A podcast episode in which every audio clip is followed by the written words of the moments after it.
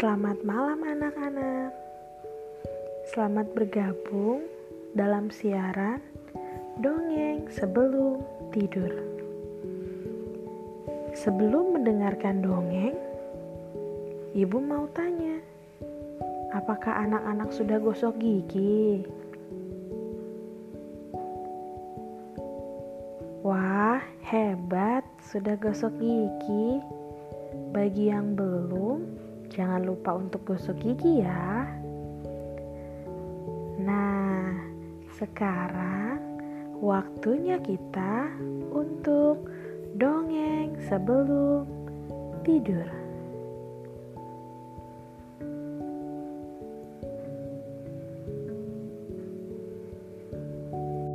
Kali ini Ibu Dinar akan bercerita dengan judul Kuda dan Monyet. Pada suatu hari di sebuah hutan yang sangat besar, hiduplah seekor monyet yang lincah. Dia senang sekali bergelantungan dengan riang gembira dari pohon satu ke pohon yang lainnya. Karena monyet terlalu bersemangat, tapi dia tidak berhati-hati. Monyet pun akhirnya terjatuh.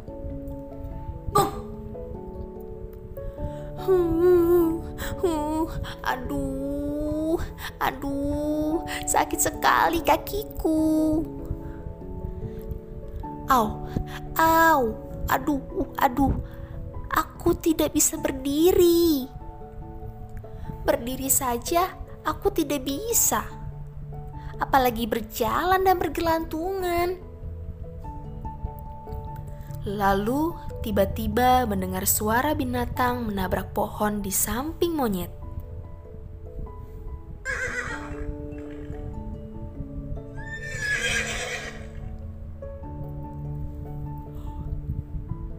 Tolong, tolong, tolong.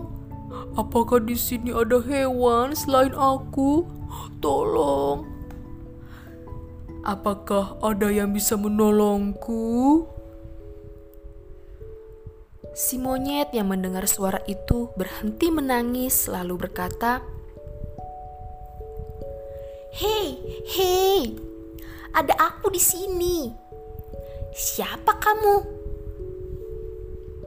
Aku, kuda. Mataku terkena getah pohon yang membuat gatal. Dan sekarang aku pun tidak nyaman untuk melihat. Jadi, aku berjalan menabrak-nabrak. Badanku pun sakit terkena pohon. "Oh, kuda. Aku monyet. Aku juga baru saja jatuh tadi dari pohon yang besar itu." Aku pun juga tidak bisa berjalan nih. Apalagi bergelantungan di pohon seperti biasanya. Hmm, bagaimana kita bisa mencari makan kalau begini?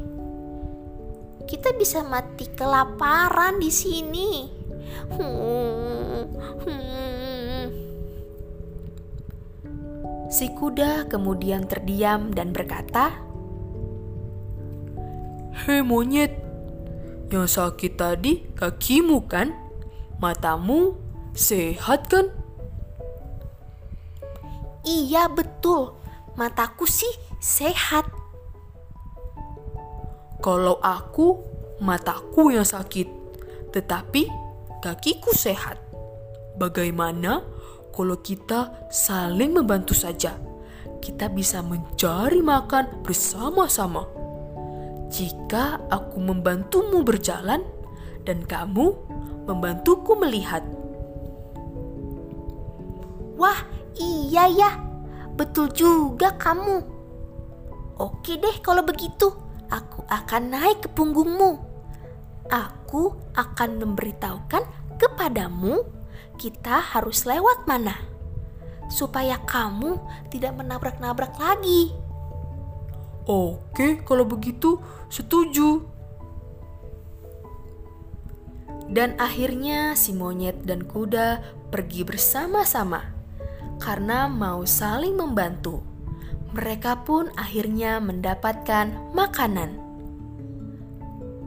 Anak-anak, dari dongeng yang kita dengar tadi, kita diingatkan untuk bisa saling menolong kepada siapa pun yang membutuhkan, supaya kita bisa hidup bersama-sama dengan baik. Sekian dongeng sebelum tidur untuk malam ini. Sampai bertemu di dongeng berikutnya. Sebelum tidur, jangan lupa berdoa dulu ya. Selamat beristirahat. Tuhan Yesus memberkati.